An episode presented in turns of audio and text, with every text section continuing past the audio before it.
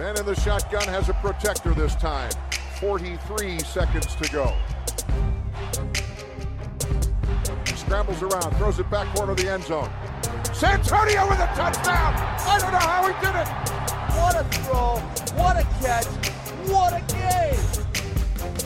So Mike 23, call 57. That suffocate him! Make him miserable all game long!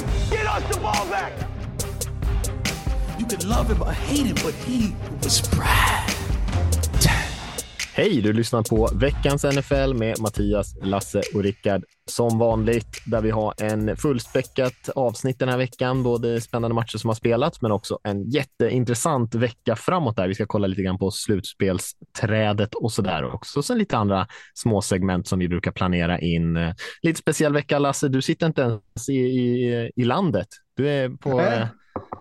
På andra sidan vattnet Precis. höll jag på att säga. Ja, vi eh, har ju noterat att, jag, eh, att vi har en dansk center i ett lag. Så jag åkte till Danmark för att leta upp Hjalte Froholts släkt där, men de, de nekade mig i dörr. Så jag sitter på, på ett hotellrum här i Århus och, och eh, försöker dra mitt strå till stacket utan någon bra scoop med, med Hjalte där. Leta efter den nya Hjalte. Ja, precis. Ute och scoutar.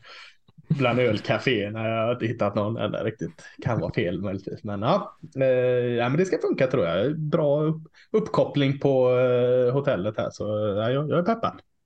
Lysande. Rickard, du är i landet i alla fall. Jag är i landet i alla fall. Jag sitter inte och, och dricker öl och letar efter offensiva linjespelare, utan jag, jag håller mig här hemma hos oss. Känns ändå som att ett ölcafé är en ganska bra ställe om man ska leta efter en center ändå. Det är inte helt fel. Mm. Nej, eh, billig öl hittar jag. Eh, Center hittar jag inte. Kim Larsen spelar de på jukeboxen. Det var väldigt trevligt så, men det, det har inte så mycket med, med amerikansk fotboll att göra. Men, ja, jag kan ge dig en chans imorgon igen att gå ut och leta på gatorna i Århus efter offensiva linjer. Men fråga Ja. folk på stan vad de tycker om Hjalte. Det är bra. En liten enkät sådär. Ja. Ja, men precis. Ja, du får rapportera tillbaka, vår Lovar. korrespondent i Danmark. Mm. Eh, ja, som sagt, vi, har lite, vi kan ta lite snabba nyheter. Eh, det är lite trista nyheter. Vi kan väl börja med lite skador. Debo, Debo Samuel, 49ers eh, receiver slash running back där, spelar lite allt möjligt för dem, skadad. Men väntas vara tillbaka till slutspelet och sen så drog också Kyler Murray av sitt korsband den här veckan. Jag vet inte om det är någon av de två som ni vill rycka tag i innan vi går vidare till något annat. Nej, trist med Debo, men är han tillbaka till slutspel så är det ju ingen. De kommer ju ta sig dit i alla fall. Kyle lär inte spela slutspels. Hade ju inte spelat slutspelsfotboll ändå, så nu kan han ju sitta och ta det lite lugnt hemma istället. Ja, och det verkar ju vara goda chanser på Debo där att han ändå kan eh, hitta tillbaka till slutspel. Sen är det ju alltid lite vanskligt vilken form och, och, och sådant man hoppar in i ett slutspel så. så att, inte att föredra en skada oavsett, men vi hoppas på att eh, oavsett om man håller, får den här eller inte så är det ju en, en fantastiskt kul spelare. Så vi hoppas att han bidrar i slutspelet.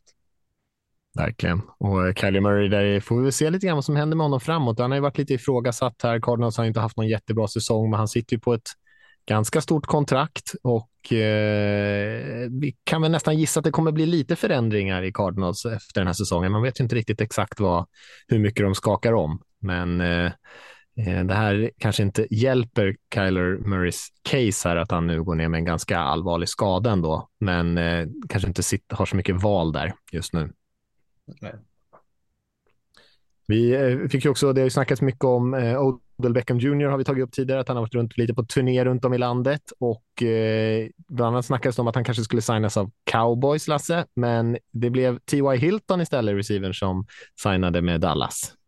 Mm, tyckte jag var skönt. Eh, två bra wide receivers såklart, eh, men känns som det är lite mindre eh, drama kopplat till Tua Hilton. Kanske en överdrift eh, från mig, men, men, men eh, nu vet jag inte, Tua Hilton har väl inte producerat det jättemycket de senaste åren. Han har haft mycket skadeproblem och annat, men ja, eh, känns som en vettig signing och, och eh, kan han bidra med. Jag tror de säkerligen vill ha eh, hans spel i djupet som, som eh, kanske Cowboys har saknat en del. Så eh, ja, känns som eh, low risk, eh, low reward kanske, eh, om man kallar det så. Alltså det, det, skulle det gå åt helvete, alltså skulle han inte bidra ett skit så är det ingen större fara.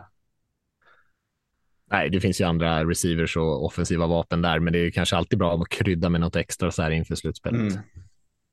verkligen. Och så hade vi ju en ganska tråkig nyhet också. Mike Leach, eh, collegecoachen, har avlidit. Bara 61 år gammal tror jag att han var. 61 eller 62 där omkring någonstans. Så fortfarande väldigt ung. Eh, en karaktär i collegefotbollen får man säga. Också en innovatör i den offensiva fotbollen. Jag vet inte Lasse om du vill lägga till någonting där. Tråkigt är det ju vilket som. Ja, jo, verkligen. Det var hjärtat, så, hjärtvikt där så, som eh, fick det.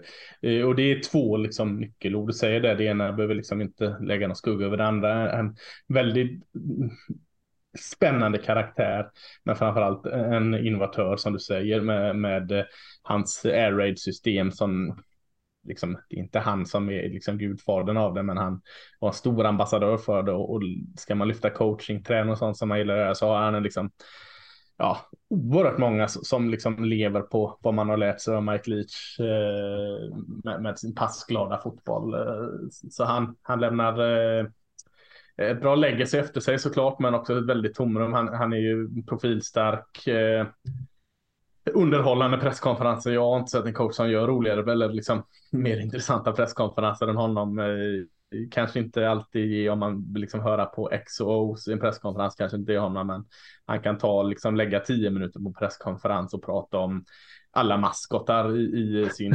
college-division och vem som skulle vinna över vem. Kommer en buffel slå en, en Sandevil och vad är Sandevil? Har han tillgång till demoniska krafter? Och trojanen har han tillgång till en häst. Jag menar eh, en bäver. Ja, hur länge kan den hålla andan under vattnet? Så alltså, han, han kan spinna iväg på ett helt underbart sätt liksom som kanske inte är så mycket fotbollsrelaterat. Men det, det är liksom tar ju inte bort någonting om att han är faktiskt väldigt, väldigt slipad som, eller var väldigt slipad som, som eh, offensiv coach också. Så att eh, gott på så många sätt och eh, helt klart en profilfattigare med, med Mike Leach det är ju fantastiskt att se alla de här klippen som eh, går på sociala medier, eller har gjort det eh, liksom länge och sen nu framförallt då när han precis har gått bort, sådana små minnesklipp. Kommer ihåg det här? Kommer ni ihåg det här? Han är ju alltid så otroligt rolig och skön. Som du säger, den här med maskotpresskonferensen är ju fantastisk.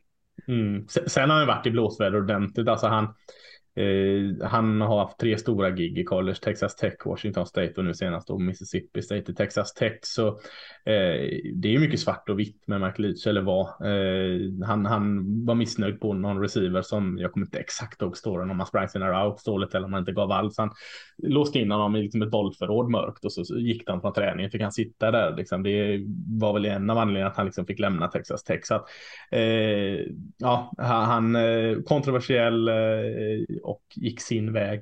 Eh, men väldigt mycket gott. Verkligen. Och som du säger, är verkligen en profil fattigare i collegefotbollen när mm.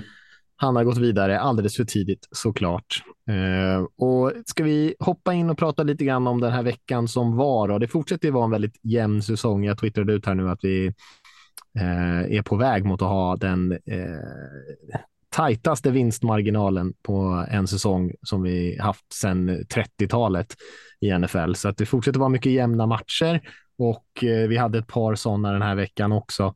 Och det finns mycket att snacka om. Vad eh, tycker ni att vi ska börja någonstans? Jag, vet inte, jag såg den här eh, Philadelphia-New York-matchen.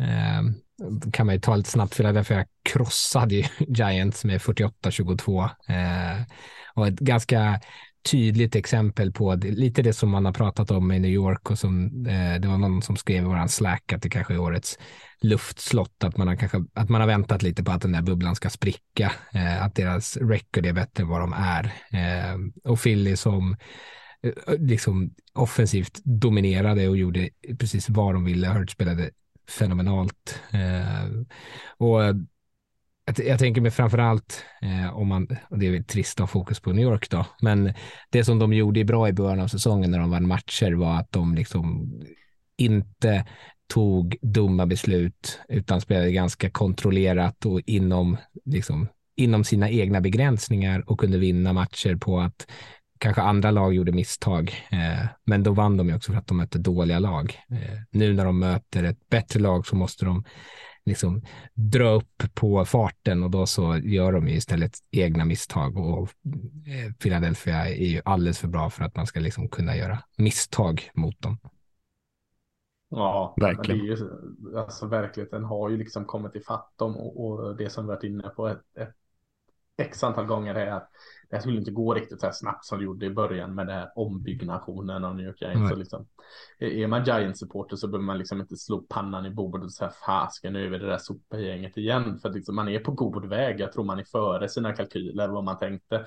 Det är inte i år de skulle vara bra. Det kanske skulle vara nästa år det skulle börja vända och så om ett år därefter skulle de vara bra. Så att Eh, finns, finns eh, Giants, ja absolut, de har överpresterat i år med, men det finns väldigt mycket framtidstro och hopp eh, med den coachingstaben och, och med ett par spännande spelare. Det är ju den här nyckelfrågan med quarterbacks som såklart ligger mm. där. Men, eh, Eagles totalt dominanta och de är ju där nu, Eagles, liksom, de, de, de är vinna nu-läge.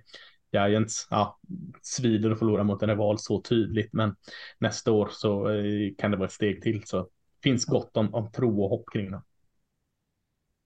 Ja, verkligen. Nej, de har mycket att bygga på där och som ni säger när de vann i början på säsongen också mycket för att de har varit väl coachade i år och sett organiserat ut på ett annat sätt än vad de har gjort de senaste åren med Dable där nu och eh, det är ju ändå ett positivt tecken. Sen är de kanske lite mer av ett eh, 50-50 lag någonstans i mitten, lite kanske över mitten i år. Men kanske, eh, vi pratade om det förra veckan också i NFC East, där att sen Prescott kom tillbaka. Cowboys vann ju även utan Prescott, eh, men eh, med honom tillbaka så har ju Eagles och Cowboys separerat sig själva från de andra två lagen i divisionen där, även fast det inte finns något riktigt strykgäng där i år. Nej. Jag kan... Eh, Anna, ja, ja, kör du. Nej, det kanske var samma match. Vi skulle liksom peta in det. Jag tänkte om, man pratar om luftslott. Jag vet, jag vet inte om luftslott är rätt benämning, men luften kanske har gått ur lite från det här Tampa Bay Buccaneers som, som eh, har varit så eh, topptippade och eh, presterat bra sen Tom Brady kom. Eh, det är ju en väldigt negativ eh, spiral de eh, går igenom också. Blev totalt överkörda av eh, Brock Purdy, Mr. Irrelevant i San Francisco 49ers. Och, ja, framförallt då kanske 49ers försvar. Eh, 49ers vann med 35-7 den här matchen och det, det var ju inget snack om, om, eh, om det. Så att eh, backa ner sig också. Vart står de egentligen i den här divisionen som om man, om man petade med all rätt eh, ner NFC East förra året så får man ju liksom göra samma här med, med NFC South. Det, det, Tampa Bay har fortfarande den här divisionen i sitt grepp, men man blir väldigt eh, tveksam till man ser den här, den här eh, insatsen mot 49ers. Verkligen, och fler förluster än vinster nu. Och på andra sidan får man ju säga då Brock Purdy som kommer in här, Mr Irrelevant och tar över och, och gör en eh, väldigt stabil, för att inte säga väldigt bra insats här. Eh, och spelar det tycker jag är rätt ord ändå. Liksom, alltså han, han vinner ju inte den här matchen, men han, han ser till att de absolut inte förlorar. Nej, verkligen. Och det är ju lite så som de har spelat med Garoppolo och mm. de andra spelarna innan, utan det är liksom mycket av de här korta passningarna, det här ganska QB-safea systemet som de har där och försvaret fortsätter ju spela på en otroligt hög nivå och att de vinner den här så pass enkelt mot ett ändå respektabelt lag som backar ner, får man ändå säga, även fast de inte tillhör toppen i år, eh, är ju ett riktigt styrkebesked för 49ers, där många kanske tvivlar på att ah, ska man kunna utmana nu med den här eh, sent draftade rookien på quarterback-positionen, men eh, ja, levererar hela laget på det här sättet så då kan de slå rätt många lag. Och det är ju lättare och lättare för 49ers att känna och luta sig mot Christian McCaffrey varje match känns det som. Han, han tar ett steg, kanske till och med två steg ibland varje vecka i sin nya roll i 49ers och eh, är ju i, på god väg att nå den här toppen han hade för något år sedan tycker jag. Verkligen. Eh, jag kollade på lite den här Dolphins Chargers matchen som kändes väldigt intressant på förhand också och den blev väldigt spännande. Det var, man kan väl säga att det var två försvar som spelade riktigt bra i den matchen. Eh, både Dolphins och Chargers försvar spelade ju väldigt, väldigt bra och Justin Herbert som ah, ja, dykt upp lite tvivel på liksom tillhör han verkligen är i eliten och jag tycker han har spelat bra den här säsongen. I den här matchen så spelar han ju riktigt, riktigt bra och trots att de inte lyckas springa bollen speciellt effektivt och han är under press nästan hela tiden så gör han liksom otroliga spel ändå. Och kanske det också som skiljer lite honom och Tua på andra sidan som kanske inte har den där att han kan väldigt bra i systemet, kan leverera bollarna när readsen finns där och han är inte under för mycket press, men eh, kanske inte kan liksom ta över en match på det här sättet som som Herbert gör. Och sen blev den ju rätt tight ändå. Eh, men eh, jag tycker att det är ändå Herbert som är skillnaden där och försvaret spelar som sagt otroligt bra för dem. Christian Wilkins kan man nämna i Dolphins som gör en jättematch för dem bland annat eh, och har en jättefin säsong överhuvudtaget. Jalen Phillips, unga pass rushen, spelar bra igen.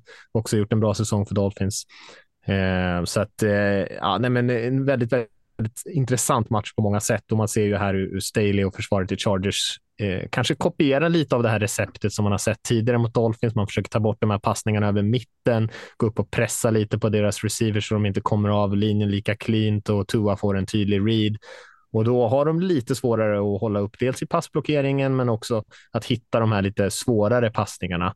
Eh, där det inte liksom hit, handlar om, och det tog lång tid innan Waddle kom in i den här matchen eh, för att eh, man så effektivt plockade bort de här eh, korta passningarna och de här passningarna över mitten. Så att eh, lite orostecken för Dolphins och deras anfall tycker jag att man nu har åkt på, gått på pumpen här i, i några matcher där det har varit lite liknande liksom respons och där Tua heller inte har spelat speciellt bra.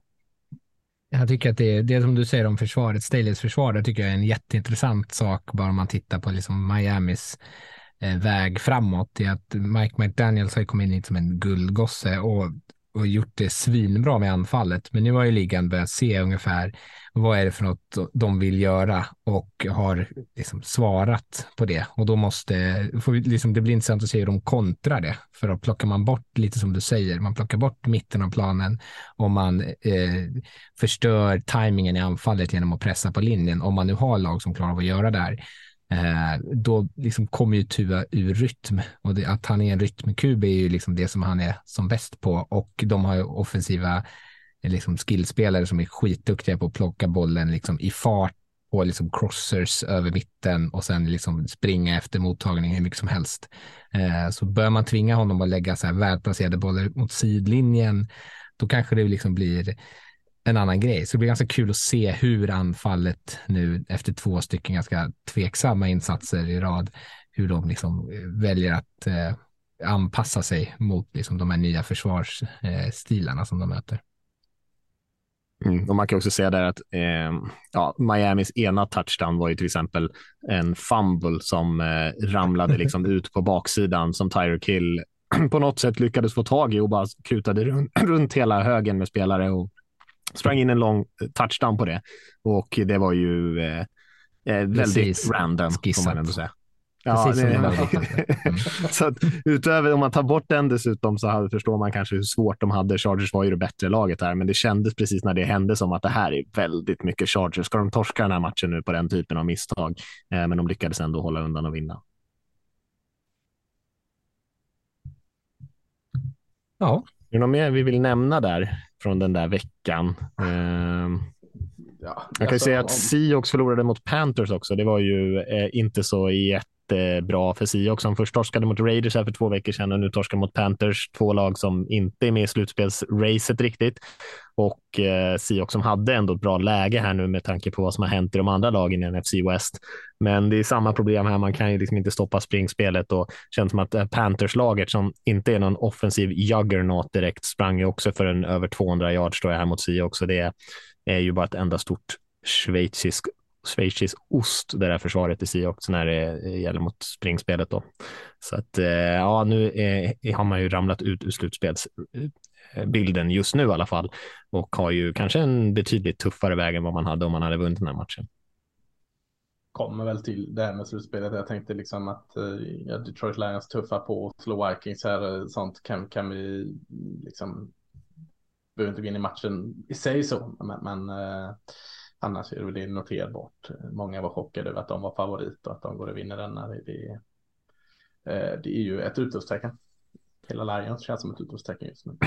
Verkligen, de öser ju in poäng också. Mm. Men hur många matcher de har liksom eh, skårat över 30 pinnar och här gör de det igen här. Och de hade ju ett väldigt in, fascinerande spel där på tredje och sju när de ledde matchen i slutet och kastade bollen till eh, Penay Sewell som också kommer i motion, vilket var väldigt intressant. Eh, och det är ju ingen som bryr sig om att han, de tror att han ska blockera och så springer han bara ut och eh, fångar en passning och plockar upp den där första downen och det älskar man ju att se. Och jag såg att det kom ut något citat där från Dan Campbell eller också, att han stod och var distraherad av att de gjorde vågen på läktaren och så, så kollade han upp och så tänkte vad fan håller vi på med? Vad är det för jävla spel? Men det dödade ju matchen för dem egentligen eh, och det säger väl kanske lite om det här Lions-laget också som är, spelar med ett otroligt självförtroende. Jag tror att de har vunnit fem av sina sex senaste eller fyra av sina fem senaste. Ja, de har i alla fall vunnit väldigt mycket nu på senaste tiden och eh, ja, det är också ett lag som är på väg åt rätt håll får man säga. Mm. Ja, och Vikings som torskar trots att eh, Justin Jefferson har 223 yards receiving och eh, Kirk Cousins kanske gör sin bästa match för säsongen och ändå är man 11 poäng bakom Lions i den här matchen. Cousins passar ju för över 400 yards, inga turnovers. Hopplösheten i omklädningsrummet liksom när offens slänger den här arga blicken mot försvaret. Vad fan ska vi göra liksom? Usch. Ja. Nej, det är tuff. Det är tuff. Eh, ja, men vi kanske inte ska stanna så mycket mer på den, eh, på den vi matchen. Vi återkommer väl säkert och nämner någonting ja. av, när vi pratar om slutspelsbilden. Typ. Mm. Säkerligen, säkerligen. Eh, ska vi, eh, vi brukar köra en liten eh, kort lista också. Och Rickard, jag har förstått att du har en liten topplista till oss. Ja, jag fick den fantastiska äran och, och, och pressen att försöka hitta på någon liten kul lista så att jag inte tog något sånt här bästa eh, QBs. Eh, och nu när Mike Leach gick bort så var jag, här var jag liksom på luppen att ändra det till att ha bästa maskot. Eh, men jag höll mig till min ursprungslista. Eh, och så har jag, har jag tagit, eh, försökt hitta de som jag tycker är de fem bästa ballhawks. Eh, och då ja, tänker jag... älskar ballhawks. Precis. Tokig de är. Ja, det, är det är bra, då får vi se ifall du har lite synpunkter på den här listan. Då. Eh, och en, ja. en ballhawk då för att definiera det är ju någon som, så som jag tolkar att man en defensiv spelare som suger in en massa interceptions. Inte nödvändigtvis spel på bollen, typ som om man tar typ Jalen Ramsey som är duktig på att spela, har så här massa pass breakups, men han är inte lika duktig på att fånga in bollen som de här som jag har listat på min lista. Så har jag fem stycken namn. Eh, och nu har jag köpt er lite tid att också sitta och fundera på ifall, ifall de ja, som jag nämnde. Jag har två som jag räknar med ska vara med. Ja, det hoppas jag. Eh, ja. Och jag, jag tyckte jag så att sätta dem i en ordning, men jag har försökt göra det. Ett faktiskt sätter jag eh, Trayvon Diggs då i, ja, i Dallas, bra. som eh, liksom kort tid eh, har visat att han eh, plockar in interceptions hela tiden. Eh, alltid, inte alltid, men många gånger på rätt ställe. Eh, har liksom en känsla för det där. Sen har jag Savian Howard i Dolphins också, så jag tror att han har leder ligan i interceptions sen det att han kom in i den. Eh, sen svårare så la jag in JC Jackson som nu är i mm. Chargers som var i Patriots förut. Eh, också kanske ett ganska tacksamt system när han var i Patriots för att faktiskt också få chansen att suga in de här bollarna. Eh, men också såklart duktig på det. Eh, och sen har jag två safeties och då tog jag Minka Fitzpatrick som är i Steelers som jag, jag tycker också har en så här uh, otrolig förmåga att och framförallt så här matchavgörande tillfällen hamna liksom på rätt plats. Och sen eh, Byron Matthew mest för att jag också har sett honom plocka in mycket interceptions mot just Raiders när han spelade Chiefs. Eh, nu i Saints då. Eh, också en spelare som, eh, eller som skulle lika gärna kunna vara wide receiver känns det som på sätt som man attackerar bollen. Och innan jag nämner, för sen har jag ett par andra namn som jag har lämnat av den här listan. Ja. Men innan jag gör det så tänker jag, jag kan kolla ifall, vem är det jag har missat Lasse? Eh, I Seahawks en rookie, Tarek Woolen, känns som en jäkla bollback ja. alltså. Eh, jag vet inte om en rookie får vara med på listan här, men det kanske är också för att han är så aktuell. Liksom, att jag tycker han är definitionen av en ballhawk, precis som, som Diggs då.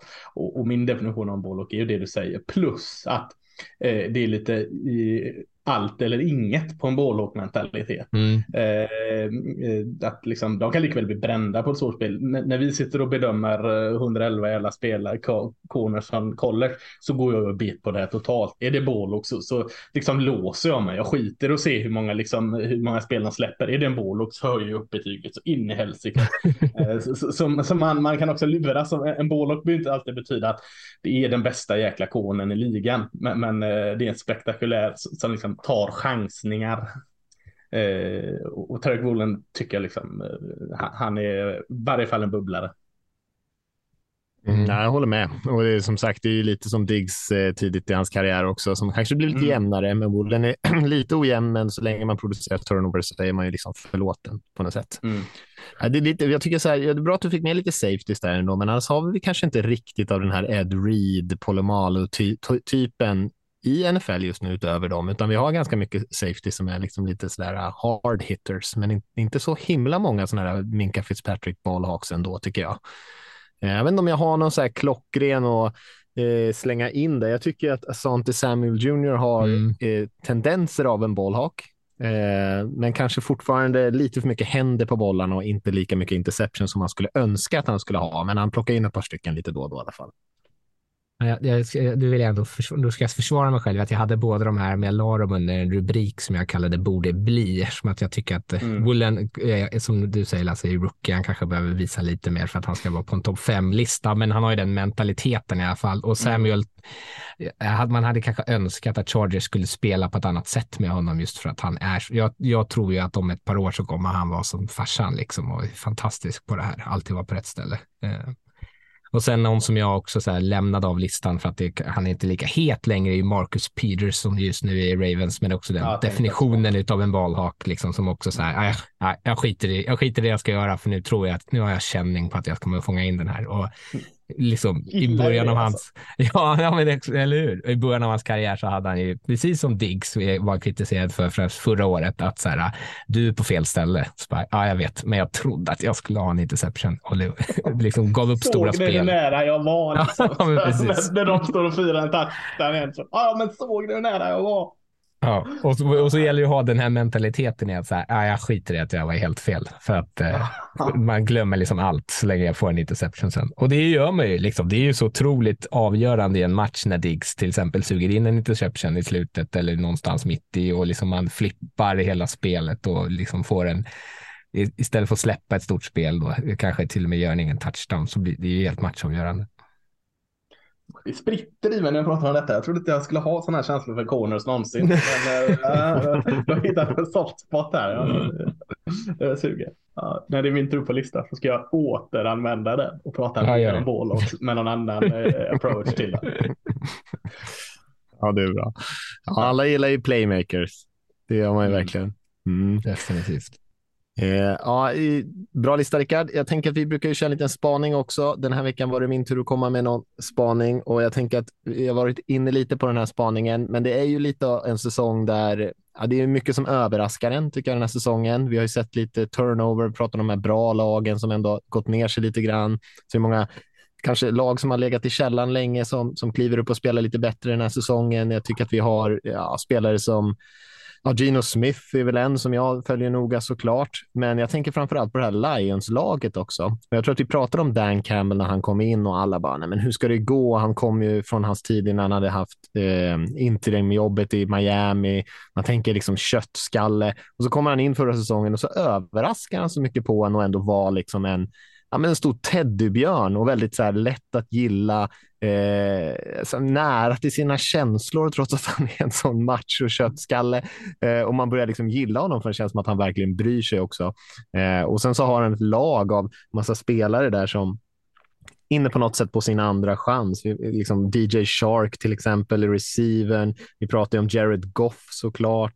Jag tänker Jamal Williams som var lite av en roterande running back i Packers som kom in. Jag tror att han har 14 touchdowns som han inte fick någon ytterligare den här eh, senaste veckan. Och jag bara, och man, med passningsspelet till Penay Sue, eller som sagt, det är, det är ett lag som är så himla lätt att gilla och ett lag av ah, så här, återanvända spelare och tränare som liksom ingen riktigt snackat om. Och så har man liksom fått ihop det med en ganska bra rookie-klass som har draftat intressanta spelare de senaste åren och man börjar vinna matcher helt oväntat nu och som sagt kanske utklassar till och med lag som eh, är uppe på slutspelsplatser fortfarande.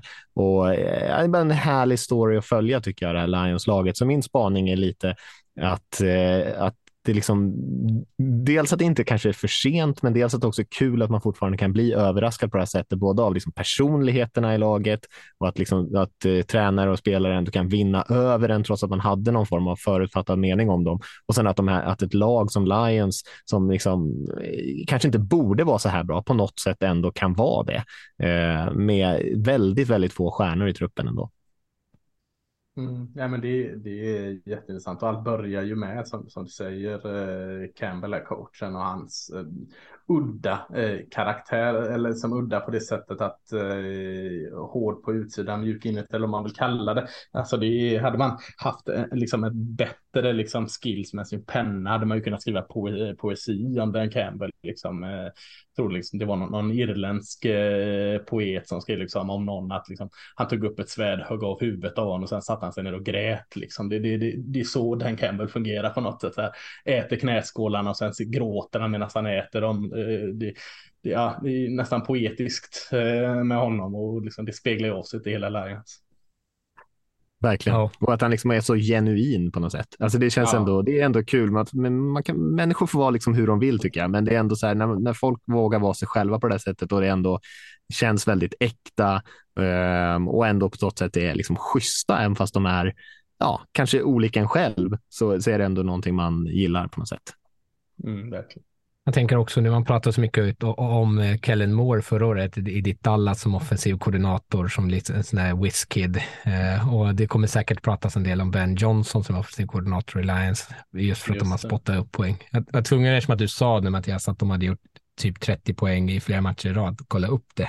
Eh, och sen de mötte Packers och inte gjort så mycket poäng så har de de senaste fem matcherna gjort 161 poäng. Så det är rätt sjukt. Eh, och de är ju så, en av de här grejerna som man tycker om med dem då eh, är ju också, eller som jag tycker om i alla fall, är ju att de liksom aldrig tar foten av gasen i anfallet. De spelar inte konservativt bara för att de leder med 21 poäng, utan de gör, spelar fortfarande samma typ av aggressiva fotboll och det gjorde de ju här mot Vikings också. Och den offensiva linjen storspelade ju, så det var ju kanske lättare att vara eh, eh, liksom aggressiv då. Men det är ju jävligt kul att se den typen av fotboll.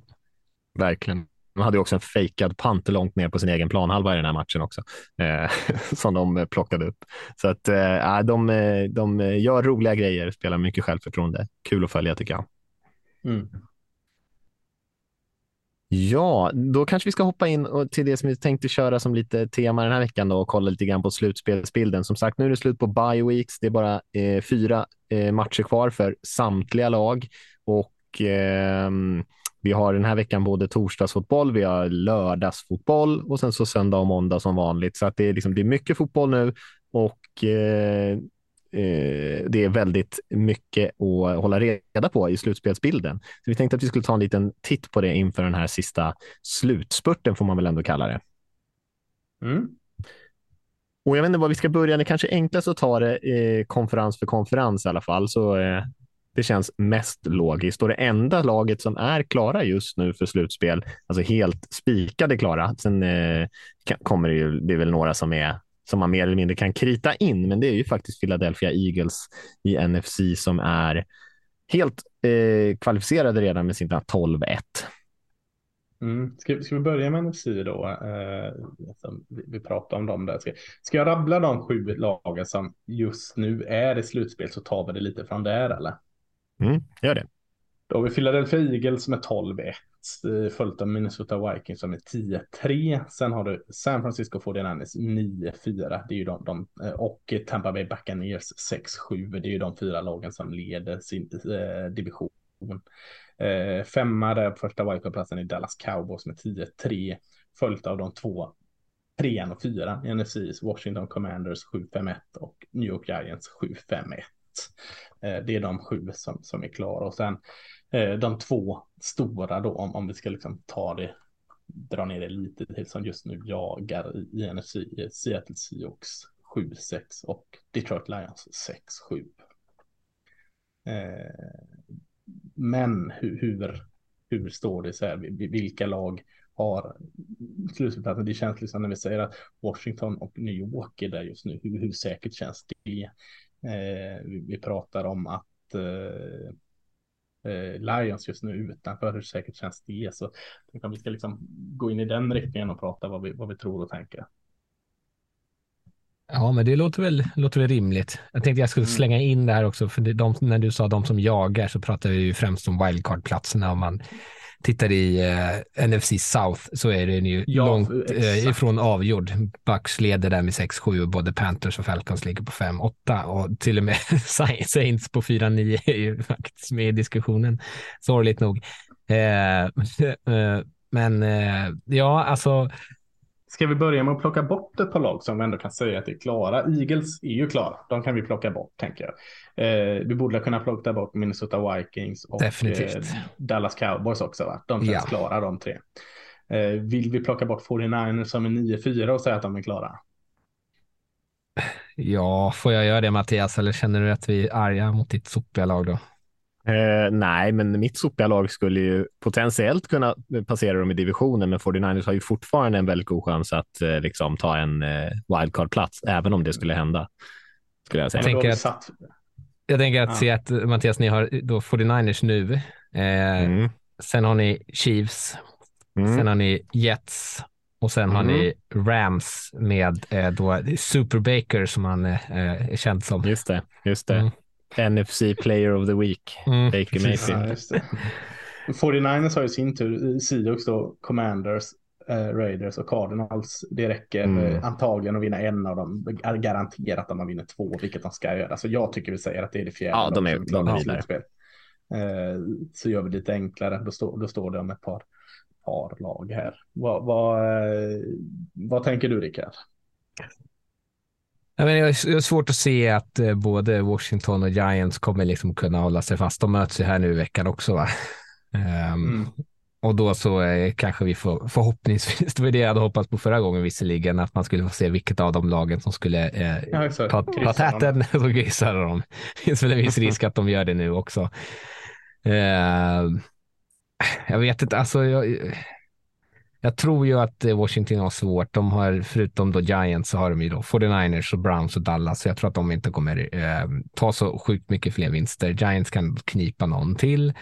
Eh, jag vet inte om de, om de kan vinna över Vikings, de men de har i alla fall Colts sen, lär de ju kunna ta. De har Philly sista veckan, då kanske de ändå, om de clinchar den här bye-weeken, ja men precis, att då kanske de får en ganska tacksam väg in den vägen. Eh, och sen så tror jag ju ändå på att Detroit eh, har en, en, en, faktisk chans att, att ta sig in. Så som de har spelat nu känns ju väldigt, väldigt övertygande och, och ett extremt lätt schema framöver.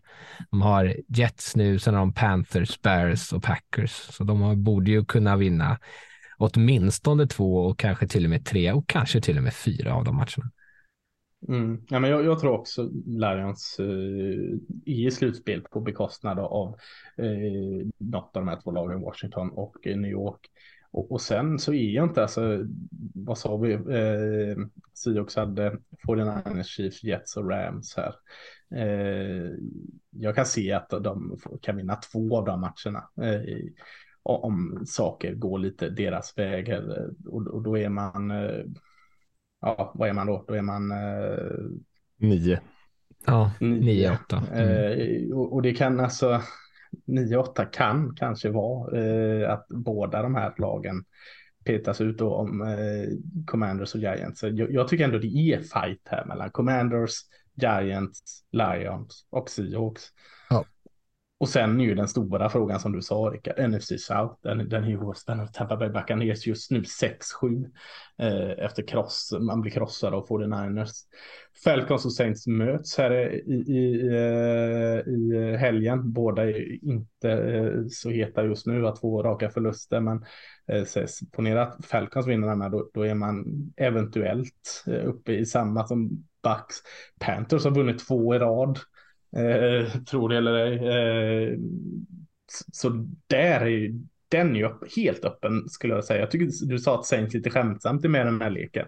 Men, men det är de ju fasiken. Ja. Ja, jag skulle säga att eh, Seahawks chans är nästan att vinna den här veckan mot 49ers skulle jag säga. Eh, och det är inte så jättemycket som talar för att man gör det, skulle jag säga, med tanke på de här två dagarna spelat. Men eh, det skulle förändra väldigt mycket om man gör det. Sen har man ju en tiebreaker mot Giants också, att man vann mot Giants tidigare i säsongen. Så det beror lite på hur det går mellan Giants och Washington också, vem av dem som så om det räcker att komma upp på lika många vinster som, mm. som Giants till exempel och sno en wildcard-plats den vägen. Men eh, ja, det är, hänger på en lös tråd skulle jag säga, Seahawks eh, slutspelsambitioner. För Rams är ändå möjliga att slå. Chiefs-matchen blir kanske tuff, men eh, utan, ja. att, uh, utan att gå igenom, liksom, man behöver inte lusläsa schemat här för varje NFC South-lag vad de har kvar här. Men, men Eh, uh, om man lite skulle eh, dra till men skjuta från höften, här, vilka, vilka tror ni tar eh, NFC South?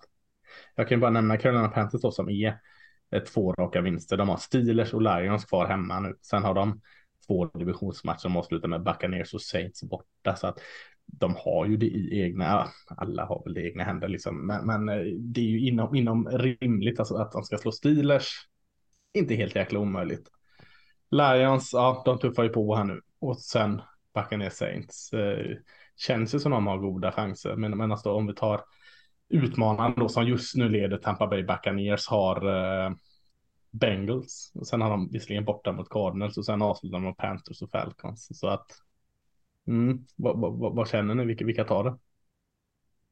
Buccaneers känns ju som att de har ändå fördelen att de du är en match före här också dessutom. Så ja. att uh, jag tror ändå att Buccaneers tar det där i slutändan. De har inte så jättesvettigt spelschema. Den tuffaste är ju nu direkt här mot Bengals och det är inte ens säkert att man måste vinna den matchen. Lyckas man göra det, då, då, är man, då ligger man riktigt, riktigt bra till. Men man kan mycket väl vinna den här divisionen även fast man inte gör det.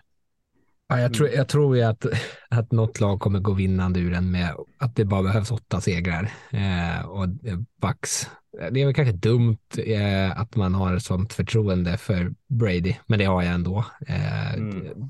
Och det är inte, de möter liksom inte 49ers nu. så det, möter de lite halvdassiga försvar så kommer de ändå kunna slänga upp lite offensiva poäng och sen så gäller det bara att de kan tajta till lite. Eh, så jag tror ändå att de har en chans. Jag hejar innerligt på Atlanta Falcons, men eh, jag tror jag att Bucks säga det. Du måste ju vara Falcons med Desmond Ridder när han får chansen här nu. Definitivt. Nu, nu är det ju Rickards lag här. Ja, absolut. Eh, ja, det, det, jag tror ju faktiskt att de kommer vara bättre eh, och jag, jag, jag, hoppas det verkligen och då ska jag fan stå och skrika ut det. För det, för det då ska jag skrika det mot mig. Jag är ju Desmond Ridder tvivlare av stora mått. Ja, förskräckligt. Förskräckligt. Ja. Ändå kul ja. att man kan kolla på de här eh, poängskillnaderna. Man ska inte stirra sig blind på det kanske, men det är lite kul att till exempel Vikings har minus ett i poängskillnad och är 10-3, vilket är, det måste vara väldigt ovanligt. Och så kollar man på NFC South här då, med de här lagen som vi pratar om här nu, så har ju alla i stort sett exakt samma eh, poäng. Då. Alla ligger ju på minus då såklart, men alla ligger någonstans runt minus 30 eh, i mm. liksom, plus minus poäng sett över säsongen här nu. Så att eh, de har ju ändå varit rätt jämna, precis som det är jämnt i liksom vinstkolumnen också. Men nej, jag tror att Buccaneers med Brady är kanske lite för rutinerade för att tappa det där försprånget som man nu har här. Men mm. eh, ja, det är ju, det är ju tajt ändå. Mm. Ja, kul, kul, att det är liksom spänningen lever där, även att eh, det kanske hade varit roligare om det var spänning eh, med bättre viserande lag så är det ändå, ändå kul att följa den in i slutet. Mm. Ska vi köra ja. precis samma, samma vända att jag rabblar, rabblar lagen som är, ligger bra till just nu. Ja. Mm. Eh, då har vi etta Buffalo Bills 10-3, tvåa Kansas City Chiefs 10-3, trea Baltimore Ravens 9-4 och så då fyra Tennessee Titans 7-6. Där är de fyra divisionsledarna. Sen har vi de som skuggar just nu som är på slutspel. Det är då femma Cincinnati Bengals 9-4, sexa Miami Dolphins 8-5 och eh, i sjua New England Patriots 7-6. Och här blir det ju lite mer intressant kanske att eh, de två som, som ligger utanför och, och, försöker komma in här just nu har samma record som New England Patriots. Det är Los Angeles, Los Angeles Chargers med 7-6 och det är New York Giants med 7-6. Och så kanske vi får nämna då Jacksonville Jaguars för att precis som eh, den andra South så är, är AFC South lite skakig med, med Tennessee Titans 7-6 och Jacksonville Jaguars 5-8. Det krävs mycket men, men vi nämner dem där ändå. Vad, eh, Rickard, vill du att jag ska nämna Raiders? Nej. Nej. du sa Giants där Lasse, men du menade såklart Jets när du sa eh, New York. Ja, så, ja, ja, förlåt. Jag var, eh, ja, uh, usch, det är alla Jets-supportrar vansinniga på mig. Gott. Jets är ju mitt lag i New York. Uh, uh, ja, vad, vilka vill vi krita in? Bills, Chiefs kritar vi in direkt va? utan att blinka. Jajamän. Mm. gör vi det med Baltimore Ravens? Det gör vi va? Ja, och Bengals också. Mm. Och Bengals. Jag ska säga att eh. Bengals dock möter ju, eh, och då, jag tror också att de är klara, men de möter fyra lag som eh, just nu är på slutspelsplats tror jag i sina ja. fyra sista matcher. Så de har ju ett tufft schema. Det räcker ju att vinna en av dem. Ja. Och det borde de ju göra. Kanske ja. till och med redan, redan nu i helgen när man möter Tampa Bay här. Men, ja. eh, men en, en, ganska tuff avslutning, så det är tur att man eller tur, de har väl vunnit matcherna, men det var ju bra att man har satt sig i den här situationen att man har lite marginal här nu inför slutspurten i alla fall. Ja, de har ju vunnit fem raka, så det är ju ett, eh, de är ju Steketa. skrikande heta, ja precis. Mm. Uh, jag, tycker, jag tycker att den är kul i AFC också, eftersom att uh, till skillnad från NFC där, man, där det känns som att det är nästan omöjligt att någon annan skulle sno den här första runde buyen av Eagles, så känns det som att Bills och Chiefs och också Ravens och till och med Bengals, även fast de har en tuffare spelschema. Alla är liksom med och slåss om att få den här viloveckan in i slutspelet. Eh, och framför allt är det väl kanske Bills och Chiefs som eh, kommer eh, liksom kämpa in i det sista om att få den där platsen. Eh, vet, nu vann väl fan, vann Bills mot Chiefs? Det här, det här borde, man ju kolla, borde man ju komma ihåg. Eh, Nej, det minns jag. Eh, jag tror... Uh, Jo, det gjorde de va? Det var ett tag sedan. Så, jo, men det var en jämn match där. Jag tror det var... Eh, båda lagen hade 20 i något. Jag tror Precis, jag de vann där. Just det. Ja. 24-20 vann de. Ja. Så då har ju de i alla fall den fördelen också. Eh, och det ju, kan ju vara avgörande. Bills har ju varit nu i, i Kansas City och spelat eh, ganska mycket fotboll. De är, det känns ju som att de aldrig är uppe i Buffalo när de möts. Eh, och skulle de skulle Chiefs tvingas gå upp och spela i snö och väder så känns det ju som att det är lite andra eh, förhållanden än att eh, Buffalo kommer ner till Arrowhead där det dessutom är en, ett rätt bra hemmatryck. Mm. Sen är det alltså för Bills, visst den, den är, och Chiefs, det är en kul aspekt också, slåss som första. Men jag tänker hela eh, AFC East känns ju jättekul bakom där mm. också. Dolphins 8-5, Patriots 7-6, Jets 7-6. Eh, NFL är ju inte dummare än att de kryddar med divisionsmatcher i slutet av säsongen så att de möter ju varandra här. Om, om vi kollar på, på Patriots så har de Raiders här nu, sen har de Bengals, sen avslutar de mot Dolphins och Bills liksom. Och, och, och kollar vi på då eh, på Dolphins som eh... möter alla andra tre. Ja, men precis. De, Patriots och Jets så Bills och så sen Packers in där så att den blir oerhört spännande liksom fighten om andra och eventuellt tredjeplatsen i, i den divisionen för att ta slutspelsplatser där så att eh, ja alltså om, om med vad har vi fyra matcher kvar så är AFC den roligare att följa när vi bara liksom ska kolla slutspelsscenario tycker jag. Jag håller helt med det där. Ja. Och det är ja. Mycket mer svårtippat också. Nu för Dolphin mm. som sagt visat upp lite vårtor här de senaste veckorna och man kan ju absolut tänka sig torsk mot Bills. Det sitter inte så långt in tror jag. Och sen eh, absolut att Patriots kan rå på Dolphins och då är, kan det ju bli riktigt tajt i den där divisionen. Jets, de ser ju lite tuffare ut just nu för dem skulle jag säga. De har kanske framför allt för att de inte kanske har imponerat jättemycket. Försvaret fortsätter ju spela bra, men man tappar väl Quinnen Williams här senast tror jag. Eh, på ska med skada och eh, ser, ser lite svettigare ut tycker jag. Mm. Sen, ja. sen är det ja, AFC South också en äh, rafflande av de här minst dåliga lagen. För vi pratar om att Titans nu inte är i någon vidare form. Man har tre raka förluster, men man leder och man är 7-6. Äh, Eh, Eh, men man har Chargers kvar borta. Sen har man Texas visserligen. Eh, Texans. Men sen är det Cowboys och så borta mot Jaguars då i sista matchen. Så kan bli direkt, direkt avgörande. Jaguars slog ju de här enkelt också. Har liksom inbördesmatchen.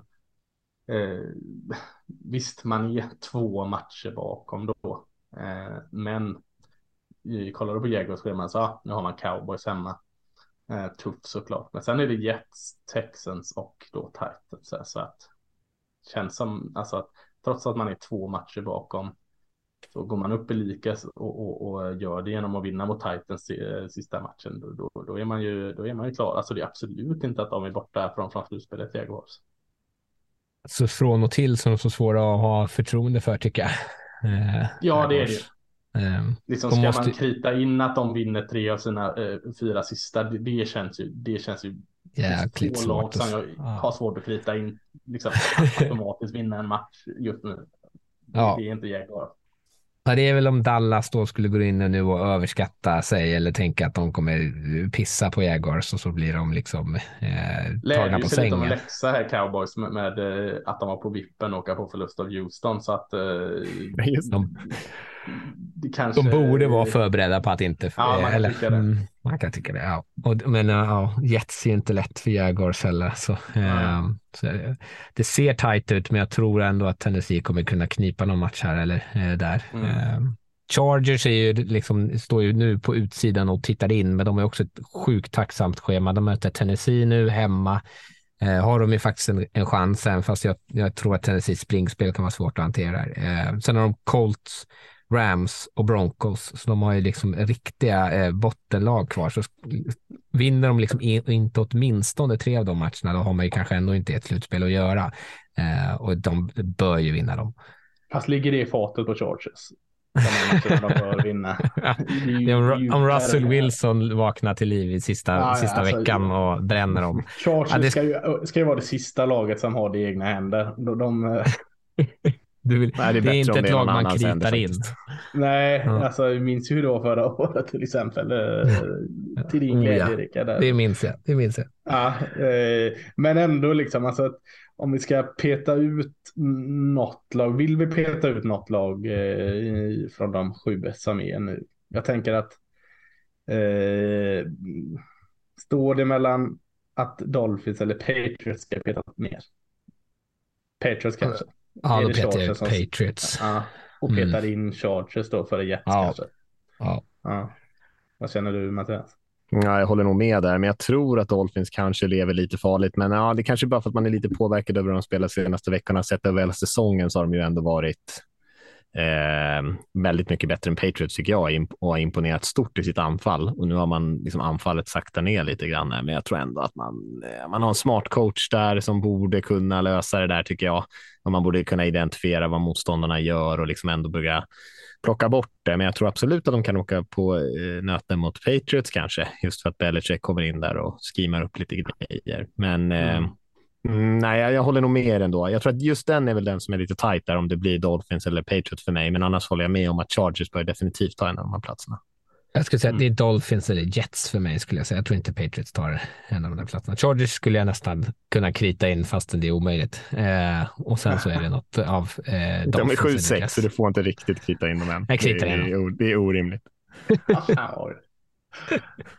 Att ta fram det stora hänglåset, Rickard. It's a. Ja. ja, det har man inte sagt förut om Chargers. Nej, precis. Ja, nej, men då är väl slutspelsbilden kristallklar eller? Ja, nej, men lite klarare kanske i alla fall. Jag ja. tänker om vi tittar lite grann på den här veckan som kommer så kommer vi, kan vi ju nämna några av de matcherna som vi pratade om här lite grann som blir mm. extra viktiga. Vi har ju torsdagsmatchen 49ers Seahawks. Kanske, man kanske inte måste lägga jättemycket energi på det, men man kan väl i alla fall säga att för Seahawks är den matchen väldigt, väldigt viktig. Men som sagt, man eh, möter ett lag som brukar kunna springa bollen bra och försvaret där med pass rushen bör kunna övermanna den där offensiva linjen i, i Seahawks. Så att 49ers bör ju ta den matchen ganska bekvämt. Men eh, skulle Seahawks kunna ta den så är det ju en riktig fjäder i hatten i det här slutspelsracet. Men jag vet inte om det är... Det, på pappret ser det inte ut som en särskilt jämn match just nu i alla fall. Och, eh, sen har vi två lördagsmatcher. Colts-Vikings känns ju inte superhet. Är det tre stycken till och med? Ja, det är mm. nattmatch också. Just mm. det. Ja, mm. Colts Vikings möter där och det får man väl ändå säga att Vikings kanske en chans att studsa tillbaka lite grann. Och sen har vi Ravens Browns. Som, ja, jag vet inte. Det är, ja, en den är väl divisions... het för att det är Ravens Browns. Så det, det Ja. är ju det som gör den het. Att det, är, det är inte mycket kärlek mellan de två, två lagen där. Och Ravens har väl liksom lyckats hamna på rätt sida med väldigt små marginaler. Och, och Browns är ju spännande att se hur det går med, med den här eh, Watson-situationen. Men eh, rent ur eh, slutspelsapplikationer så är den ju inte så jätteintressant. Det är väl vad, hur Nej. statusen med Lamar är. Ja, jo, precis. Mm. För han är väl ändå inte tillbaks till spel va? redan nu. Nu vann de ju inte. De vann ju mot Pittsburgh här senast. Eh, Ja. Därför att försvaret spelade bra. Eh, Och men det. Pittsburgh, Trubitsky. Det, ja, ja, precis. Det hjälpte ju förstås. Eh, det var ju det, kanske det som gjorde att försvaret spelade bra. Men så, Ja. det är ju inte helt orimligt att de skulle tappa den matchen. Cleveland hemma. Deshaun Watson tog, såg ändå fall bättre ut förra veckan än vad han gjorde första veckan. Eh, det, Nej, det är absolut inte helt orimligt. Jag håller med. Men det är heller ingen liksom, jätte... Nej, det har inte jättestora inverkan på slutspels- nej, okej, nej, liksom, nej, du man skulle tappa den. Eh, mer än att såklart som Ravens fans blir man förbannad att tappa den. Men, men ja. Ravens är så gott som klara ändå. Ja, förstås. Jag håller med Men helt. sista- Kan man, kan man Sista nämna också med, intressant.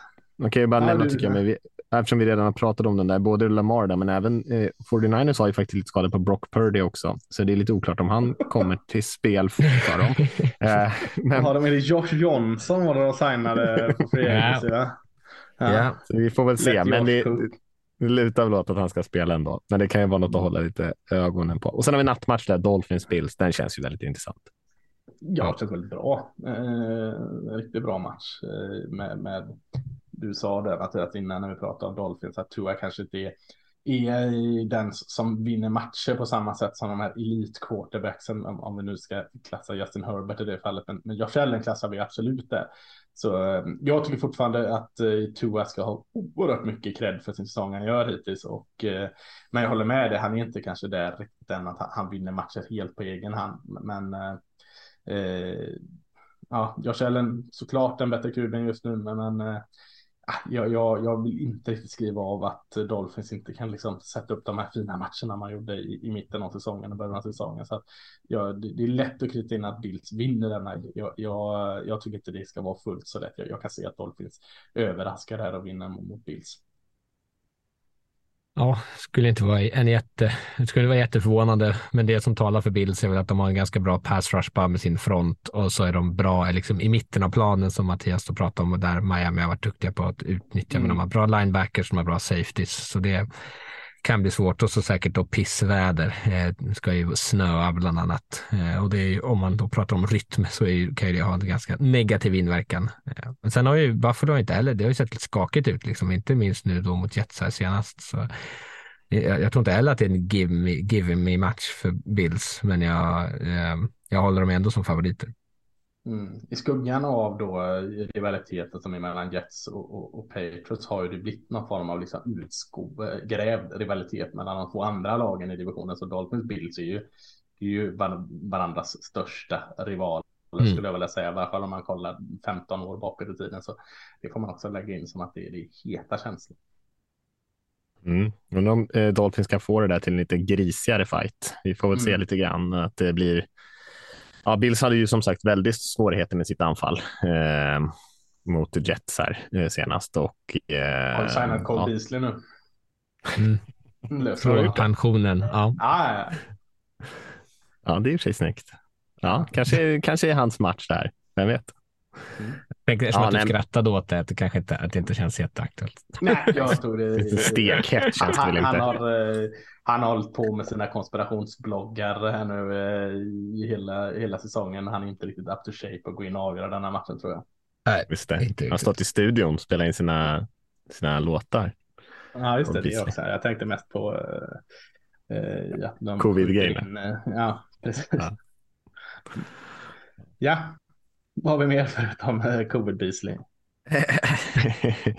ja, nej, men vi nämnde ju några matcher som är viktiga för slutspelet, men som just nu kanske inte känns stekheta. Falcons Saints eh, kan ju vara intressant. De brukar alltid vara, det är ju en superbra rivalitet, en riktigt underskattad eh, rivalitetsmatch. Och sen ja, så är det ju Ridders första match för Falcons, rookie, rookie quarterbacken där. Så av den anledningen känns ju den lite intressant ändå, får man ju säga. Sen är de ju, ja, det är ju en long shot för de här två lagen att ta sig till slutspel.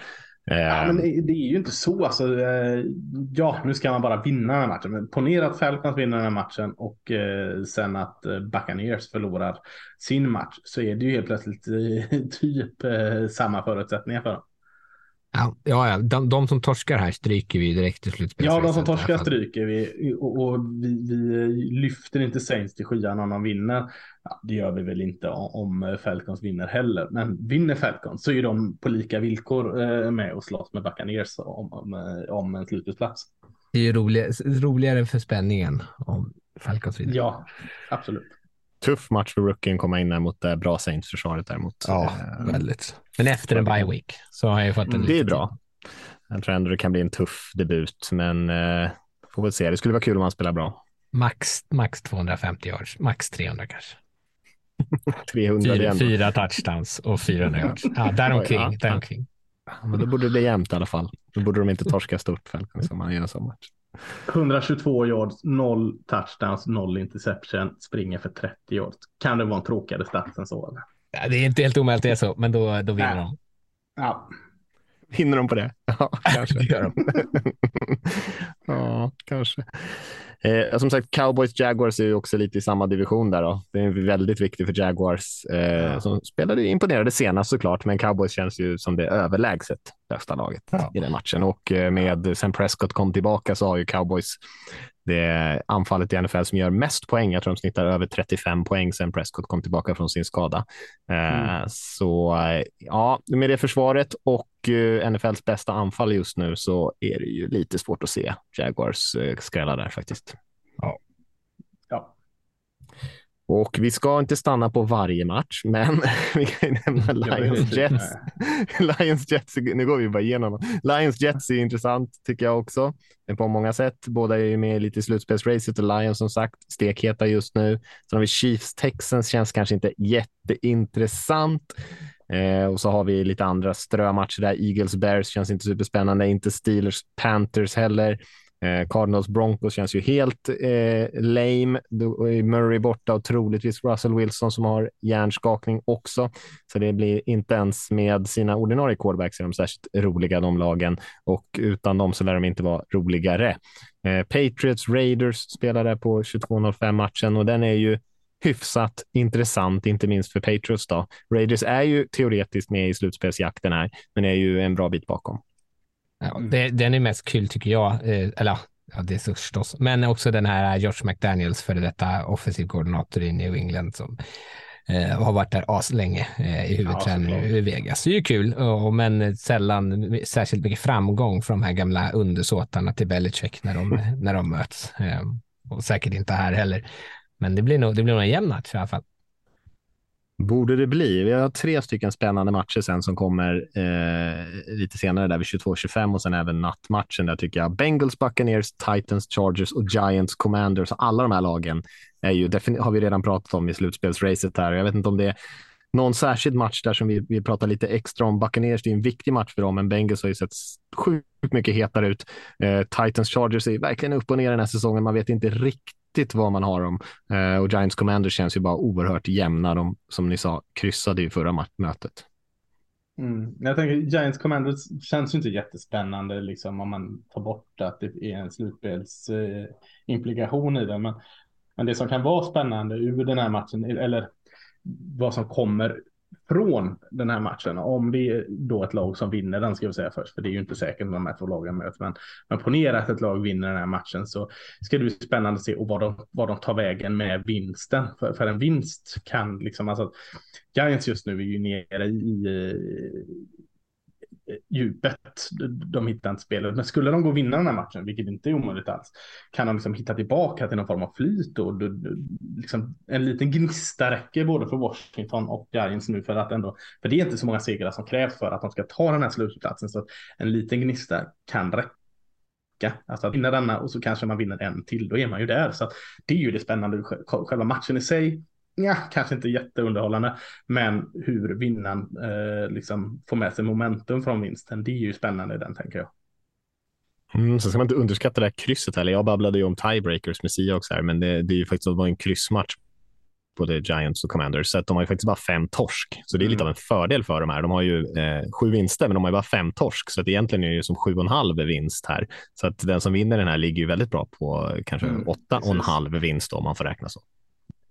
Mm. Jag vill också lyfta den här Tennessee-Chargers-matchen som känns intressant just när man pratar om Chargers sopiga springförsvar mot Titans såklart. Off, liksom hela offensiva identitet om att springa bollen med Derrick Henry. Eh, känns spännande tycker jag. Det som Chargers har varit bäst eller sämst på framförallt är ju spel, springspel på utsidan och de har varit lite bättre på springspel centralt. Och Titans är ju egentligen bäst på att springa centralt, så det mm. kanske inte är en sån här supermissmatch eh, som man tänker sig. Men eh, jag tror att det blir spännande och sen så är den här Titans defensiva linje som har spelat bra med mycket bra pass rusher och inte minst Jeffrey Simmons där mot Chargers offensiva linjen som har haft det är tufft med skador. Eh, mm. Så det, det, den är faktiskt en riktigt bra match. Jag tror att den kan bli eh, jämn och jag skulle inte säga att någon av dem egentligen har ett vidare stort favoritskap och båda mår nog bra av att plocka den matchen. Jag tror att Chargers har störst chans att ta, eller båda lära sig ta sig till slutspel ändå, tror ju jag. Men eh, jag, tror, jag, jag tror att Tennessee har en, en, riktigt bra chans att plocka den där. Ja, jag håller med. Det känns väldigt intressant. Man måste ju verkligen få igång lite, Tannehill lite mer där, alltså, för att eh, Henry mm. och springspelet är ju ja, men det är bra liksom i perioder, även fast det har varit ineffektivt i många matcher så får jag ändå upp en del yards där. Men, men de måste kunna få lite mer ur sitt passningsspel ändå. Eh, och Burks där, rookien, har ju sett bra ut också, men lite flashar liksom. Han försvinner ju ibland också. Så att eh, ja, men jag hoppas att eh, man kan få igång den delen av sitt spel lite grann. Då är man ju lite giftigare, för man har ju sin lite svagheter på försvarssidan ändå mot mm. passningsspelet och så där. Så det kanske man kan utnyttja i Chargers här när man ändå har sina receivers tillbaka. Men ja, jag håller med. Den känns väldigt intressant, väldigt oviss. Jag, skulle luta åt Chargers, men eh, eh känns väldigt jämn. Vad sa vi mer? Eh, Bengals Buccaneers? Benganeers tänkte jag säga. Eh, Benganeers. Benganeers, den matchen. Bengals Buccaneers. Eh, ja, eh, alltså Bengals är ju, eh, jag tror man har vunnit sju av sina åtta senaste matcher och man är väl eh, vunnit fem senaste. Eh, så om det är lite tveksamheter kring Buccaneers efter sin för, stora tydliga förlust mot 49 senast så är det ju inga tveksamheter med, med, med Bengals just nu. De går ju fantastiskt bra. Det, det, som, det som är lite det kanske då oroväckande är att man drog på sig lite skador på sina receiver. Liksom, som är en, en, om, så att Titans eh, har en tydlig eh, liksom, linje med att springa bollen så, så har Bengals en tydlig linje med att använda sina wide receiver, kanske för att just öppna upp för sina running backs, eh, Piran eller Mixon och springa, så är de ett väldigt viktigt vapen i att just öppna upp för springspelet. Så jag vet inte hur statusen är på de här eh, wide receiverna, om det inte är så farligt som det är där. Eh, för jag tror både ettan och tvåan haltade lite senast. Så det kan vara något att hålla utsikt i den matchen, men annars känns det ju som, som det bara stoppar Bengals just nu. Ja, inte backa ner i alla fall. Nej. Om man får vara så krass så tror jag inte ja, att de nej, nej, nej, men precis. och, och, och, då är alltså. Och sen är det Patriots nästa, nästa vecka därefter. Alltså Buccaneers. Kan de ha hittat liksom formen här perfekt till slutspel äh, även i år här. Det, det känns lite läskigt att se vart, vart eh, Bengals som är lite underskattade fortfarande eller kanske lite så här smyger bakom de, de stora, framförallt den som de ligger bakom Baltimore en i varje fall. Eh, det känns jätteintressant. Mm, Bengals hade ju en lite svagare start på den här säsongen sen har de verkligen mm. kommit igång här och det hänger väl ihop lite med att linjen spelar lite bättre också. Och eh, som sagt, man har, har, hade lite strul, eh, har lite strul med sina receivers och man har ju försökt köra lite kortare passningar till sina running backs och sånt där. P. Ryan hade lite drop senast vet jag på lite enklare, kortare passningsspel och sånt där. Försöker hitta lite komplement där när man inte är 100 procent på, på utsidan. Men eh, man har ju sett sett eh, helt klart betydligt hetare ut än, än Buccaneers så får ju gå in här som hyfsade favoriter ändå. Mm. Men, Ja. eh, men de sitter ju lite mer bekvämt också. Buccaneers lite mer pressade. Ibland kan sådana här saker ändå betyda någonting. verkligen. jag tänker man har ändå Brady där som måste väl ändå vara ja, bland spelare en av de liksom största motiverande faktorerna ändå. Att liksom rycka upp det här laget lite grann och faktiskt göra en bra match när det verkligen, verkligen behövs. Och kanske kan det bli en sån den här veckan, men eh, det är inte sett så mycket tecken på det kanske än så länge. Mm. Ja, Rams Packers har vi sen på Monday Night Football och den känns ju oerhört ointressant får man säga. Ja, Ja. jag vill inte ens kolla vad, hur det blir på tisdag morgonen. Då. Nej, nej lite, så är, lite så är det faktiskt. Men kul ändå med så mycket fotboll, både som sagt eh, lördagsmatcher och söndagsmatcher den här helgen, så Ja. missa inte det. Ehm, ska vi runda av tycker ni? Ja, men det gör jag. Då gör vi det. Och eh, nästa vecka så är det ju faktiskt matcher till och med hela vägen. Det är julafton som det spelas. Så vi ska väl trycka in en podd där ändå dagarna innan så att ni har någonting att lyssna på när ni sitter och myser i, i jultröjan med en eh, kopp glögg eller vad man nu gör på, på i juletider. Eh, men eh, det blir spännande att se hur man lyckas trycka in det. Alltid lika populärt eh, med familjen där om man smyger undan lite grann och börjar kolla på lite matcher där eh, när julklapparna har delats ut. Man kan önska sig det julklapp att få se NFL. Jag tror jag gjorde det en jul. Det gick inte alls hem. Nej, du fick den inte förmodar jag. Nej, nej. ingen respekt för julafton. Och det, var, det blir alldeles för stora konsekvenser för att jag skulle önska mig det igen. Men ni kanske har bättre tur än vad jag har med det. Så testa. Fick ett par tofflor istället. Ja, Det är ingen. Ja. precis.